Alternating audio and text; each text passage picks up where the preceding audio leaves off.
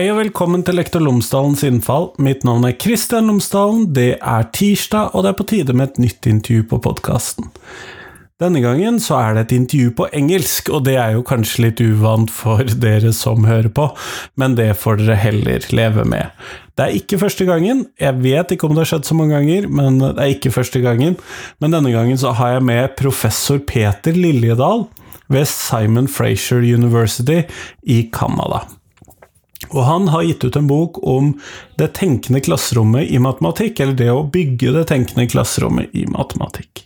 Og vi snakker om hvordan skape engasjerende, motiverende og spennende matematikkundervisning, og hvordan man kan snakke om matematikk, og hvordan man kan sørge for at elevene lærer å tenke selv i matematikk, fremfor å bare gjenta det læreren har lyst til å snakke om. Sånn at det er tema på podkasten denne gangen.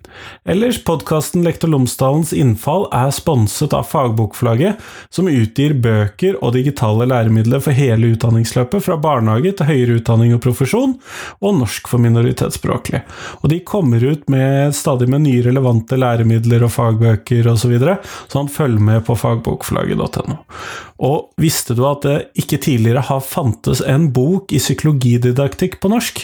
Nå gjør det det, og psykologididaktikk er den første boka på norsk for de som skal undervise i psykologi 1 og 2 i videregående skole. Psykologididaktikk kan man foreløpig bare ta studiepoeng i ved Universitetet i Bergen, men også for lærere som allerede underviser i faget, er det mange spennende ting i denne boka, om vurdering i fag, om lærerrollen og forslag til undervisningsopplegg, så du finner den på fagbokflagget.no. Men nå, nå skal du høre Peter Liljedal, vær så god.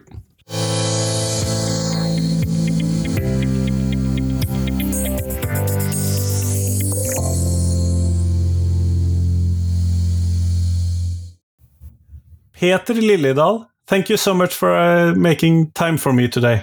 My pleasure. Thanks for inviting me on. Before we get to talk about your book and about the things that are uh, that you do for uh, well do for a living, uh, could you please tell my audience three things about yourself so they get to know you a little bit better? Um, okay, I'm a professor of mathematics education at Simon Fraser University in Vancouver, Canada. I grew up in Vancouver uh, from the age of eight, but prior to that, I grew up in Stockholm in Sweden. And uh, although I like to say I'm from Vancouver, I'm rarely there these days. Right now, I'm coming to you from Kansas City, Missouri, where I'm on day, day oh, I don't know, maybe day 20 of a 28 day road trip of uh, presenting all through the United States. Uh, that sounds lovely and exhausting at the same time. uh, you have wrote a book that in Norwegian is called Å bygge tenkende klasserom i matematikk. Uh, and when you talk about thinking classrooms, what do you actually mean by thinking classrooms? So, a thinking classroom is a reaction to an observed reality that I started to notice maybe 20, 25 years ago.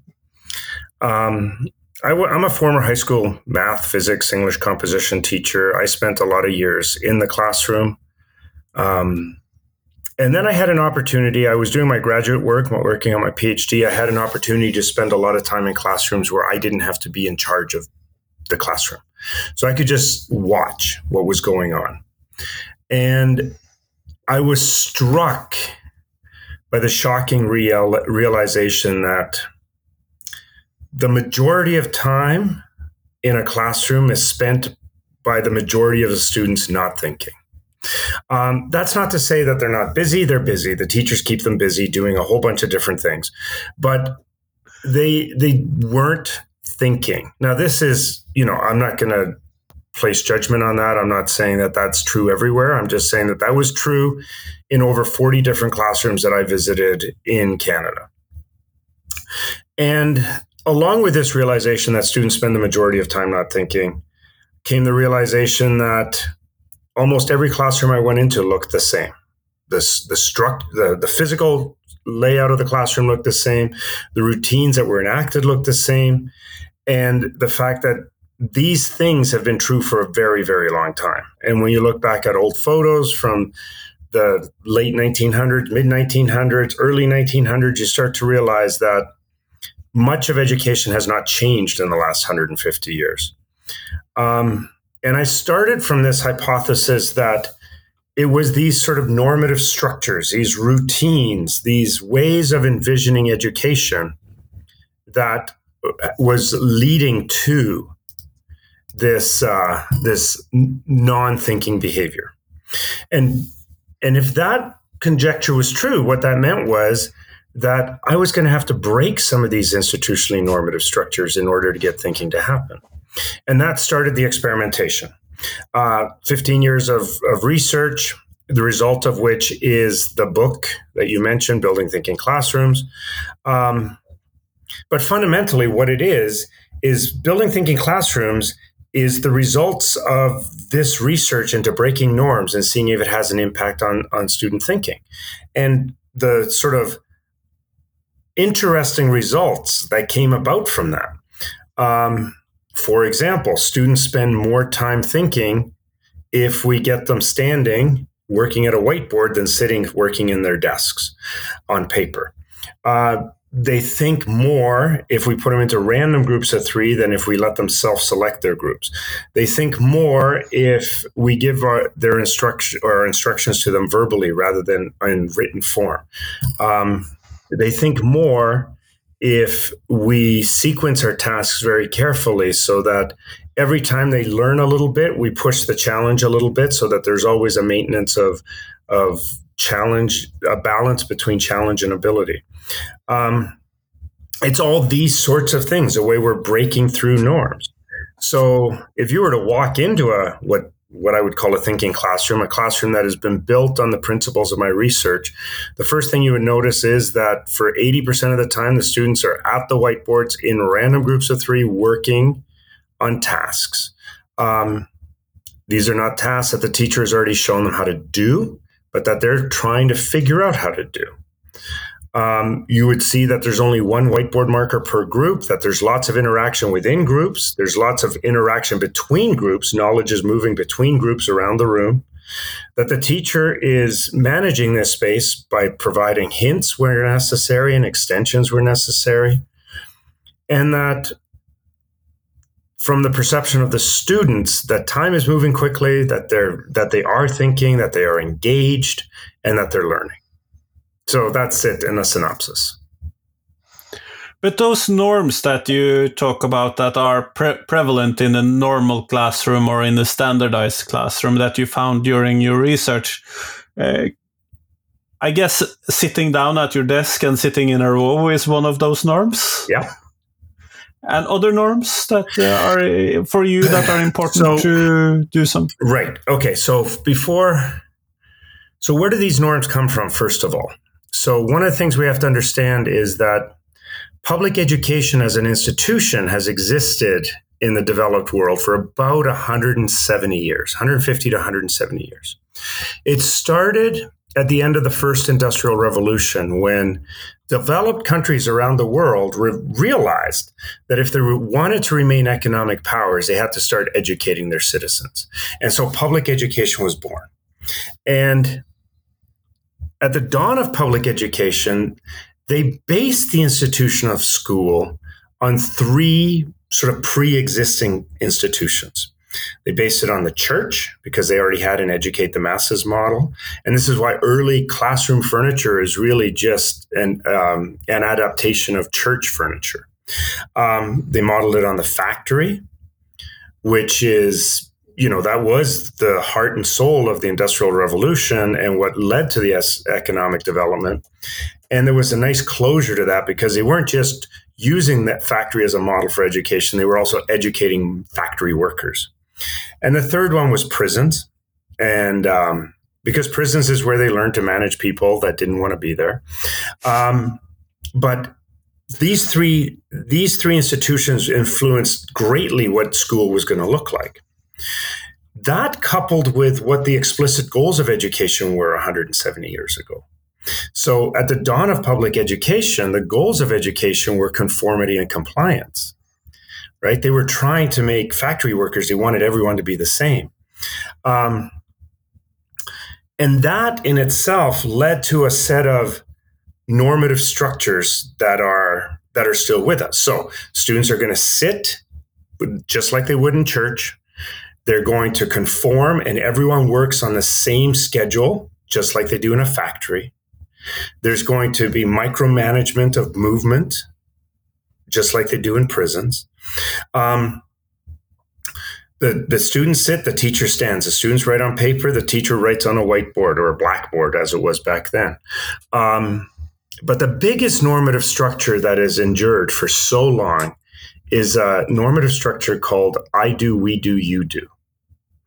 Um, and it is it is how teaching was believed to be most effective 170 years ago. I'm going to show you how to do it. Now we're going to do some together and now I'm going to turn you loose to do it on your own. This sort of gradual release model. So I'm going to show you how to do it um, in detail. I'm to I'm going to explain why it works. I'm going to give you three examples. Then we're going to do one together where I'm going to ask questions and you're going to answer them. And then we're going to do some individual seat work that will probably be marked or graded. And this this idea of teaching and learning has endured for for 170 years. And I, I had the privilege about 18 months ago to spend two full days in a high school in Canada where I could visit any classroom I wanted. And I visited over 70 classrooms in, in that two day span, just for short periods, 10 to 15 minutes. In, in 50 of the classrooms I went into, I do, we do, you do was being used. Um, and that doesn't promote thinking. What it promotes is mimicking. Um, mimicking is this this this act of just copying, of of not not thinking for yourself, not not reasoning, not understanding. It's just about copying, following that pattern. Um, and some of some some people may think, well, mimicking is good. It's good for some things yeah there's a there's an element of fake it till you make it right like mimicking is a really nice entry point into into learning something new um, the problem was that our research showed that only 4% of students were willing to go beyond mimicking once they started mimicking right so they would mimic everything they could but the minute they encountered something for which they didn't have a pattern a, a routine that they had been shown they would just not do it and the other thing I want to, I just want to draw a, distinction between mimicking and uh, apprenticeship.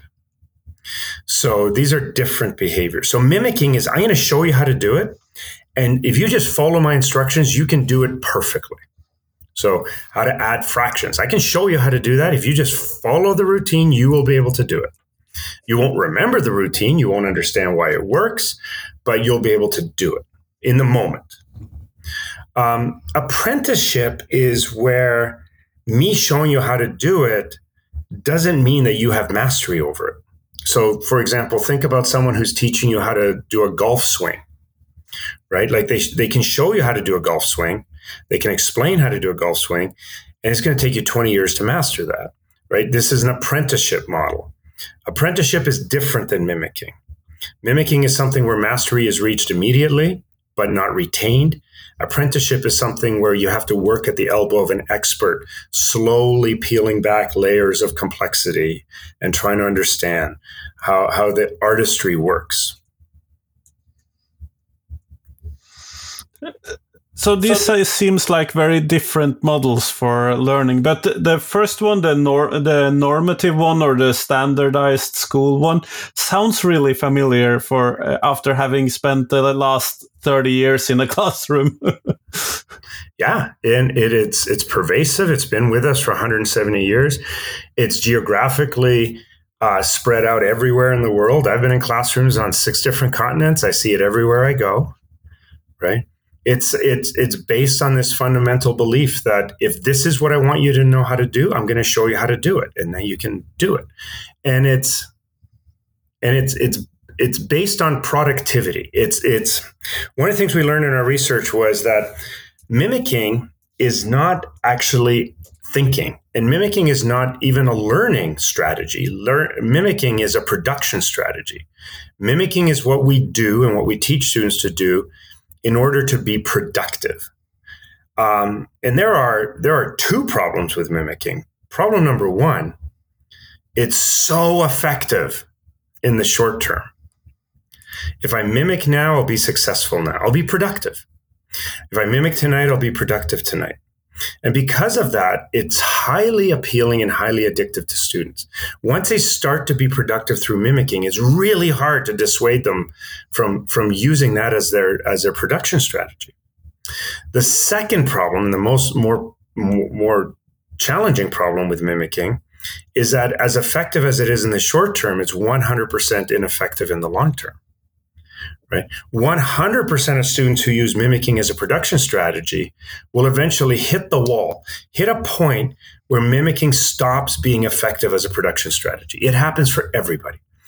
Um, it, it, the most common place it happens is when learning goes from concrete to abstract, right? In mathematics, that's when we introduce algebra, and and it starts to unravel because the numbers of things that I now have to try to to mimic just grows exponentially, right?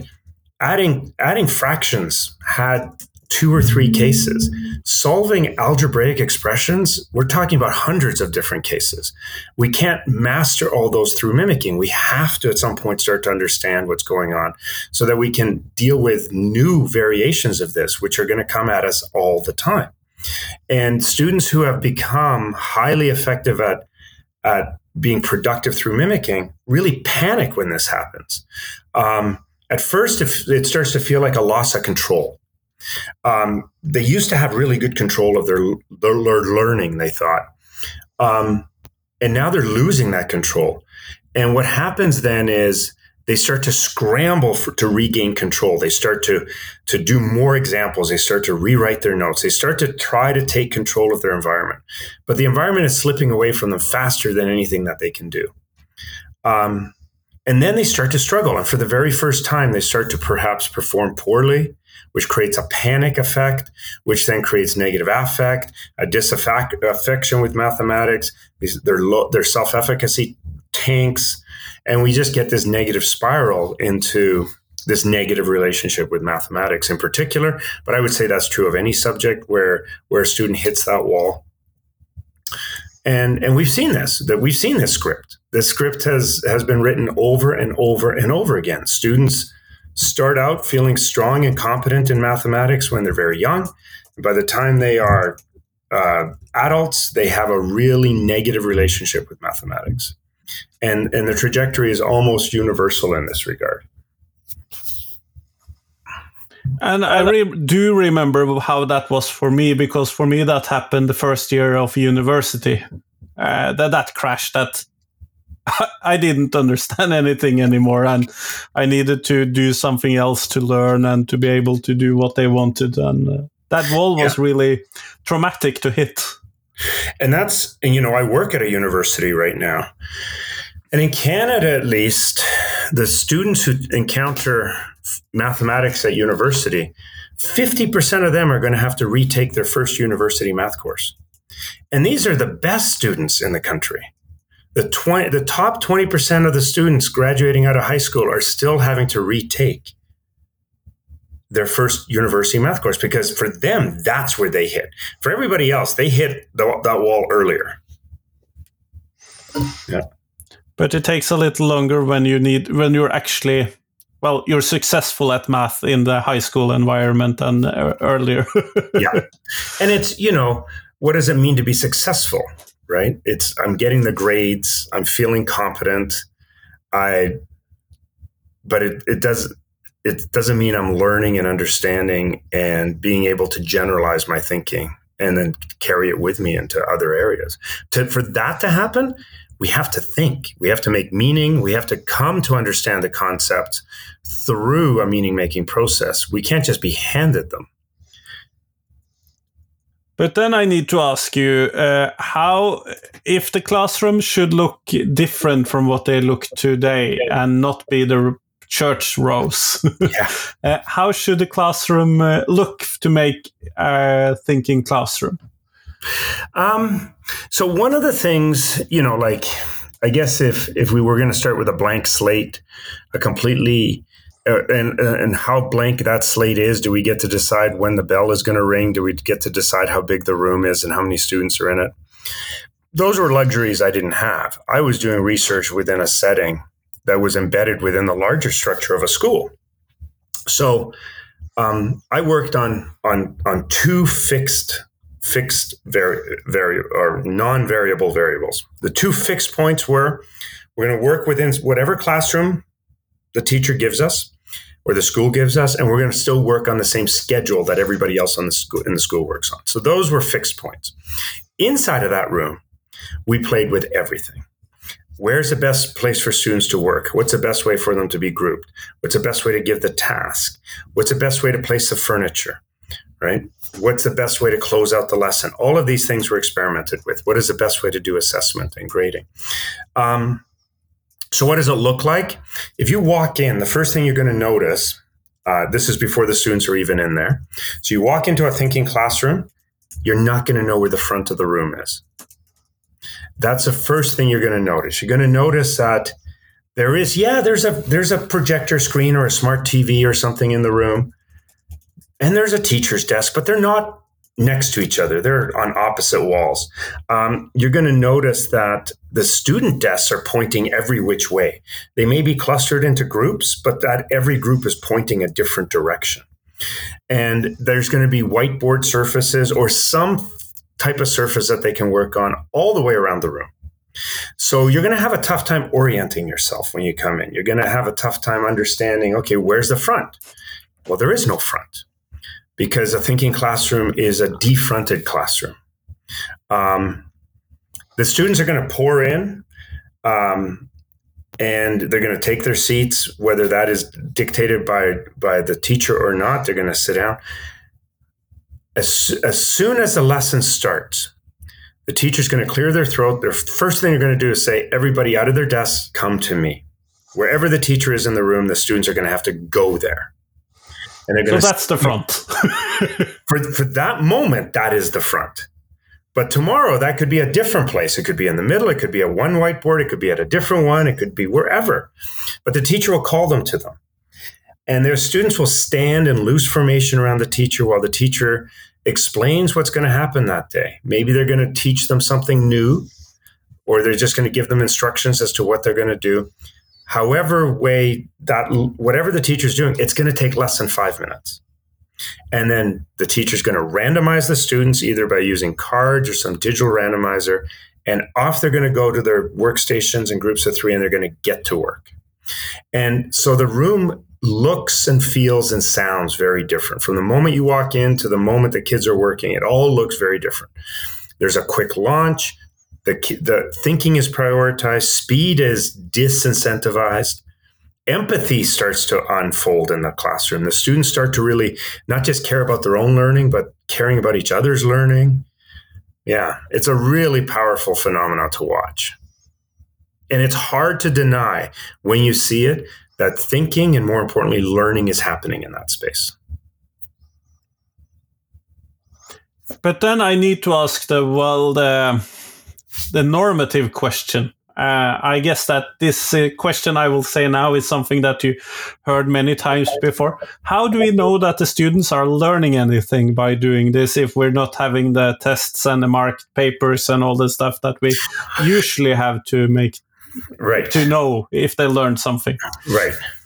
So, first of all, a test. Well, okay. So I'll take I'll take this from two different directions. The first direction is this: we still do tests we still have students produce things that get graded. We have to, that's part of the institutionally normative structure. But even in situations where if we had the freedom to not do that, teachers would still do that because they want to understand what the student has learned. They want to know what they're learning as a collective, but they also want to know as what they're learning as an individual. And they want to be able to tell other people what they're learning, like the parents and and so on and so forth. So testing still happens. Um, and in most thinking classrooms, testing looks almost identical to what it would look like in a in a traditional classroom. It's what they do with the data that's different. And this podcast is not long enough for me to get into that, but they treat the data quite differently. Um, in Norway, I would say that's more normal already. They're much more outcomes based, uh, competency based in Norway. Uh, in much of the rest of the world, they're much more content driven. And how did they how, how do they perform on this skill?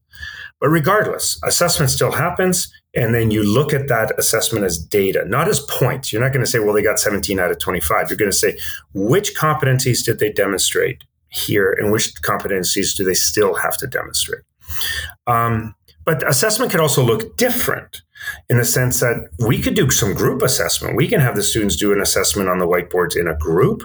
I can assess the students while they're working at the boards.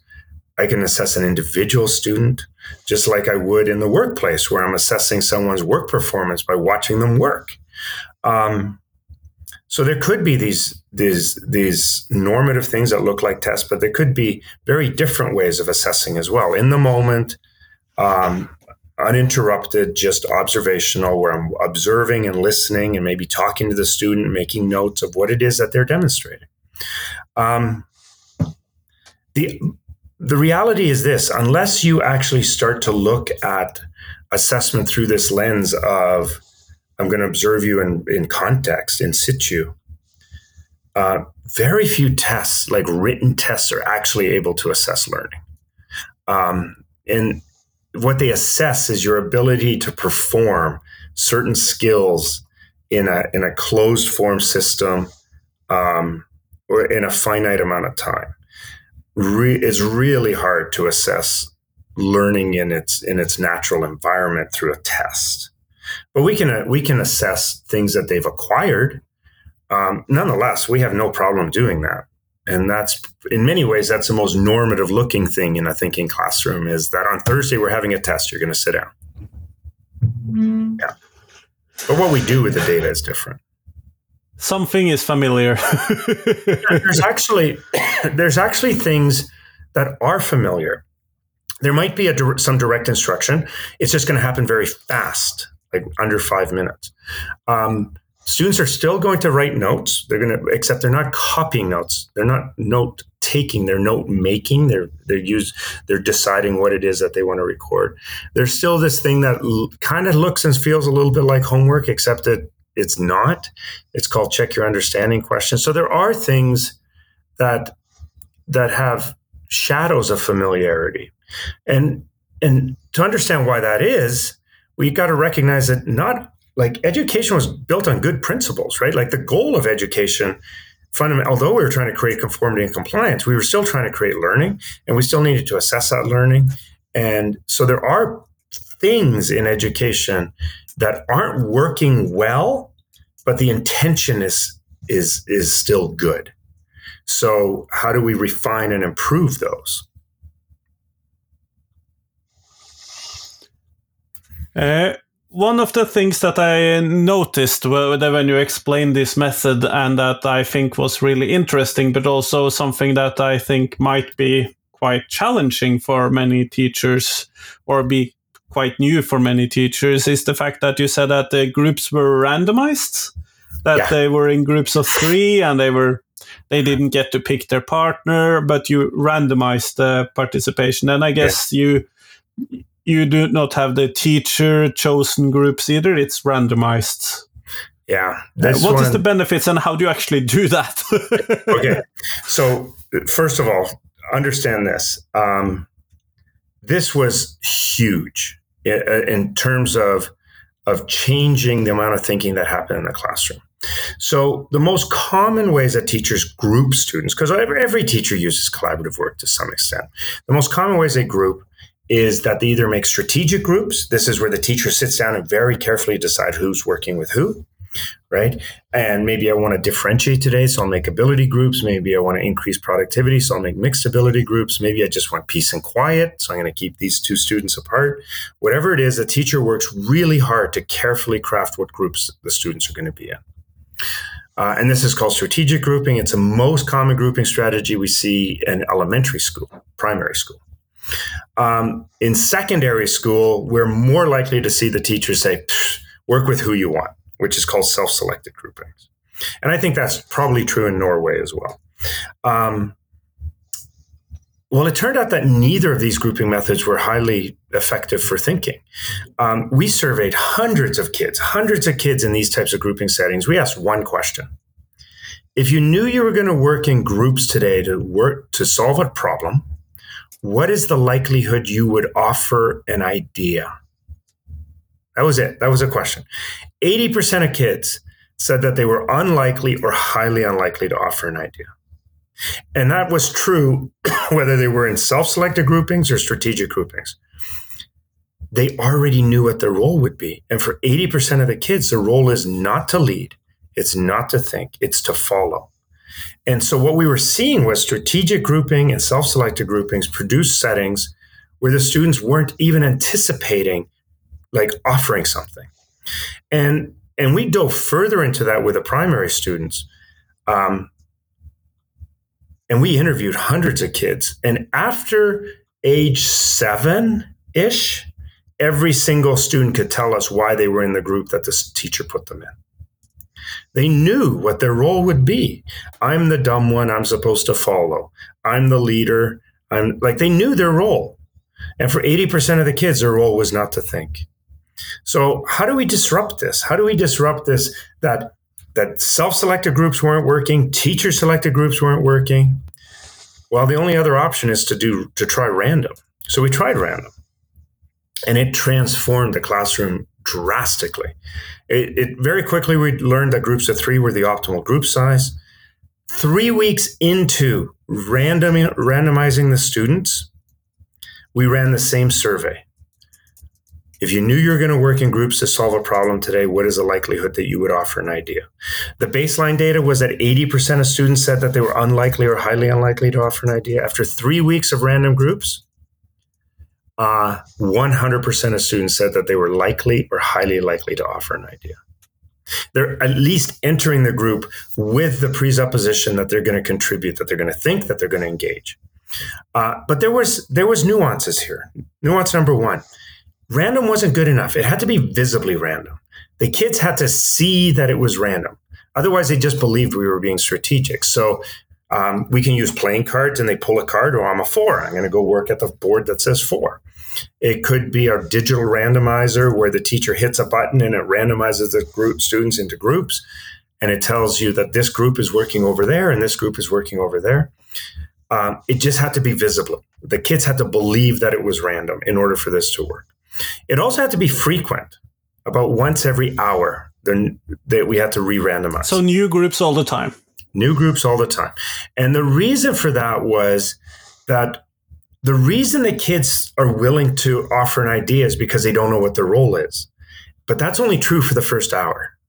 In that first hour, the roles are dynamic and negotiated and they're shifting all the time. But after an hour, a leader has emerged, everyone else is a follower and now their their willingness to contribute drops if they're a follower. So it had to be frequent, and it was. Uh, I will tell you this: it is the easiest practice to implement. It is the biggest return on investment. It, co- it costs nothing, and we get massive change and shift in student attitude, behavior, and thinking. One of the biggest benefits is that community forms and empathy is unlocked. The kids start to really care for each other when community forms. But it's also the practice that scares teachers more than any other practice. Absolutely. It, I do I just I feel it in my body the yeah. tension of doing that. It is the absolute it is a total loss of control. Like this could go badly. Like what if those two students end up together? Yeah, guess what? They're going to end up together but at least you know which group you're visiting first and it's only for an hour right and it turns out to be incredibly liberating if you ask students if they're going to like it they're going to say absolutely not. But if you run it after three weeks you start to see a real shift in behavior That sounds really interesting, Peter. And uh, for those who want to know more about building thinking classrooms, they will find the link to the book in the show notes today. But uh, we are coming to an end of the time we have together, and I would like to ask you the same question that I ask everyone that I talk to, and that is what teacher has made the biggest impact on you, Peter, and why? Oh, okay. Um, okay, I they're going to come in different categories. Um, so, personally, as a student, I think the teacher that made the biggest impact on me was my grade five teacher. So, I had immigrated to Canada in grade three. And so, by grade five, I was only two and a half years in the country. I was still struggling at school with language. I'd kind of fallen in with the wrong crowd, hanging out with the kids who didn't really care about school. Um, and my grade five teacher, I remember pulling me aside and saying, You're better than this. You can do better than this. And it was the first time a teacher actually said something like that to me. And and I and it, it kind of snapped me into this realization that I can actually do well in school. And so I started doing well in school. Um, th- another teacher that deeply influenced me is the teacher whose classroom I was in when I first had this epiphany that students aren't thinking. Her name's Jane. I was sitting in her room for a whole week watching kids and and watching her work so hard trying to make problem solving work in her classroom. And I was giving her my best task and seeing it just fail time and time and time again. And watching how determined she was and how what a popular and caring teacher she was, and yet it wasn't working and coming to this realization that it's because the kids aren't thinking. There's nothing in their past experience that has required them to think. They don't know what to do. And that, that sort of epiphany led to everything that followed when it comes to building thinking classrooms. And then beyond that, I think every single teacher who's ever whose classroom I've ever been in, where I've had the privilege of either watching them teach or got to co-teach with them, has has shaped me in profound ways. Um, teaching is not one thing building thinking classrooms is not one thing. It's teaching is this this thing that happens in time and space and relationship, and every teacher enacts it so differently. And and getting to spend so much time in classrooms with teachers and learning um, how teaching can be a passion that is linked to your personality and yet can achieve the same ends in so many different ways but that there are still global underpinning things that are more effective than others. And just the being able to be in the presence of these incredibly courageous teachers who are willing to let me be there and who are passionate enough about their practice to be willing to radically upend it. Thank you so much, Peter, for participating today. My pleasure.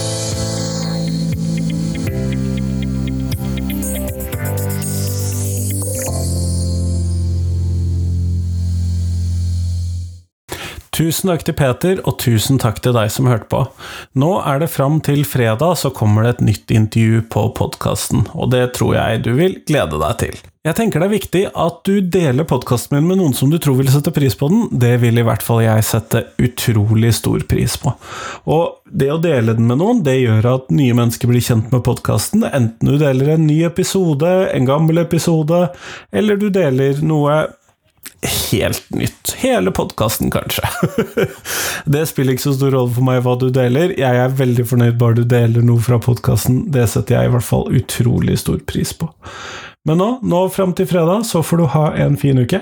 Hei, hei!